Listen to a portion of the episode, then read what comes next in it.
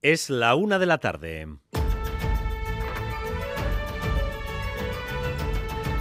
Crónica de Euskadi con Dani Álvarez. A Rachaldeón, la legislatura vasca enfila sus últimos pasos con varias leyes que se van a aprobar mañana mismo en el Parlamento y también con varios planes en el horizonte con uno de los objetivos que se marcó Urcuyu el pasado mes de septiembre, mejorar los servicios públicos. Esta mañana ha estado en Radio Euskadi Nerea Melgosa, la consejera de Igualdad, Justicia y Políticas Sociales.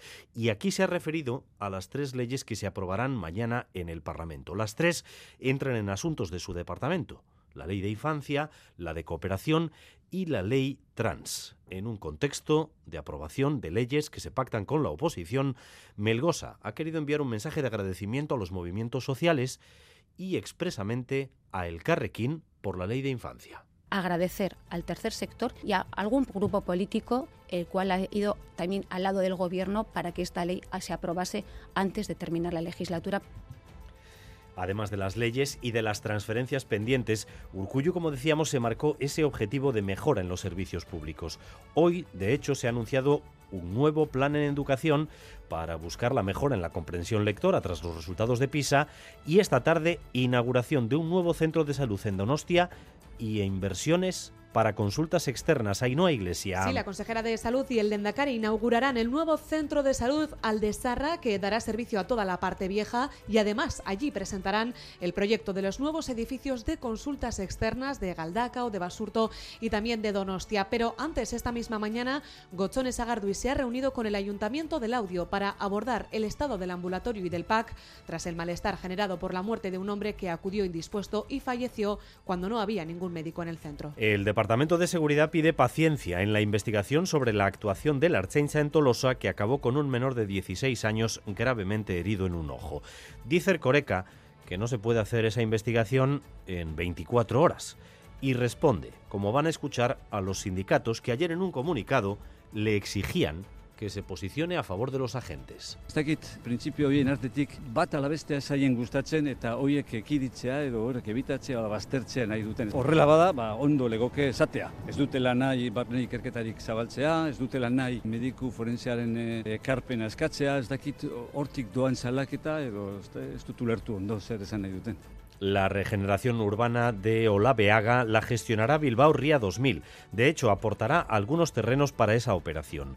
El proyecto que definirá cómo será ese barrio en el futuro podría estar listo a mediados del próximo año, según ha confirmado el director general de Bilbao Ría 2000 esta mañana en Boulevard Irache Martínez. Lo confirmaba en Radio Euskadi Ángel Nieva, director general de Bilbao Ría 2000, sociedad que gestionará la actuación y aportará algunos terrenos. Financiará el 28% de la operación, el ayuntamiento el 21% y Adif el 51%. En torno a la mitad de 2025 creo que tendremos todo esto para tener ya una idea clara de cuál va a ser la cara y los ojos de esa nueva Olaveaga, con el proyecto ya para empezarse a desarrollar. La inversión estimada es de 88 millones de euros.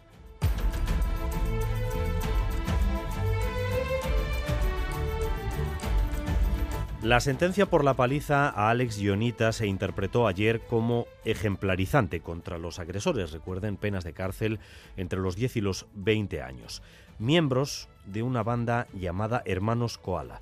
Una de las claves es plantear si esta sentencia puede servir también para ver cómo nos enfrentamos a este nuevo tipo de agresiones efectuadas por bandas y pandillas de este tipo. Natalia Serrano. La familia de Alexandru se encuentra hoy aliviada tras la sentencia condenatoria y su abogada, que ha estado en Radio Euskadi, satisfecha porque solo ella, esta acusación particular, pidió que se considerara y condenara a los hermanos Koala como eso, como una banda criminal, con su jerarquía y su planificación.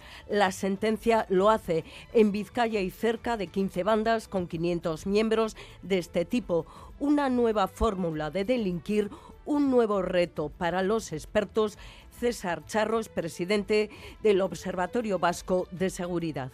El, trabajo que tenemos por delante es eh, quitar a los jóvenes esa sensación de falsa impunidad que tienen. Yo creo que es una sentencia, eh, no sé si será la única, pero es bastante pionera.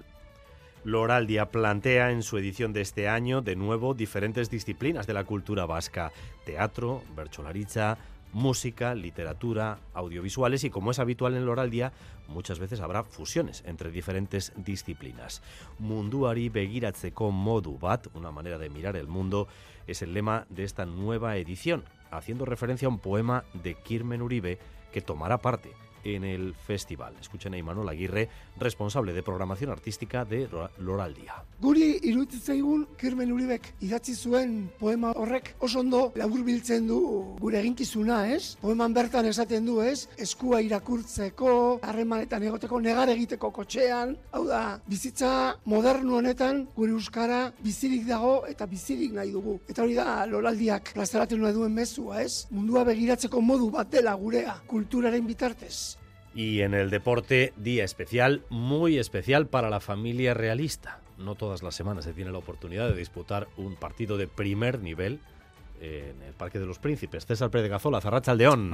pues sí, la cita para la Real con ese regreso a la Champions del equipo de Imanol y lo hace, como decías, a lo grande en el Parque de los Príncipes en París ante el PSG de Kylian Mbappé. Favoritos los de Luis Enrique para meterse en cuarto de final de la Liga de Campeones ante una Real que espera que el capitán, el 10, Mikel Arzabal, pueda jugar esta noche. Hoy Arzabal no está descartado para el choque, aunque será duda hasta última hora, desde las 9 de, eh, de la noche, ida, octavo de final de la Champions, Paris Saint-Germain, Real Sociedad, con cerca de 2.000 realsales que están ya dando ese ambiente ahora mismo en las eh, calles de, de, París. Y un apunte más de fútbol porque Íñigo Pérez es el nuevo técnico del Rayo Vallecano. Anoche era destituido Francisco. El club madrileño ha apostado por el joven técnico navarro, que ya fue ayudante de Andoni Iraola en el conjunto de Vallecas. En el tráfico, precaución ahora mismo en Zamudio, N637, por un camión averiado que ocupa un carril en sentido Erleche. N637, Zamudio, camión averiado ocupando un carril en sentido Erleche. Pero además, atención a esto, la Archancha busca testigos del accidente en el que un motorista de 62 años falleció ayer en Hernani. Ese accidente ocurrió pasadas las 6 de la tarde en la A15, a su paso por el barrio de Carabel. La moto se salió de la vía, falleció el conductor y su acompañante resultó herido tras caer al río. Si pueden aportar algún dato sobre ese accidente, pueden llamar al 943 53 91 19. 943 53 91 19. En cuanto al tiempo, hoy de nuevo sol y temperaturas elevadas para este momento del año en el que teníamos que estar eh, con los días más fríos del 2024. En las próximas horas va a aumentar la nubosidad, aunque no se esperan precipitaciones y las temperaturas seguirán en valores como los que tenemos ahora. Por encima de los 20 grados 22 Bayona, 21 Bilbao y San Sebastián, 16 grados en Vitoria, 12 grados de temperatura en Pamplona. Gracias un día más por elegir Radio Euskadi y Radio Vitoria para informarse. Raúl González y Asier Iriarte se encargan de la dirección técnica, María Cereceda de la coordinación. Crónica de Euskadi con Dani Álvarez.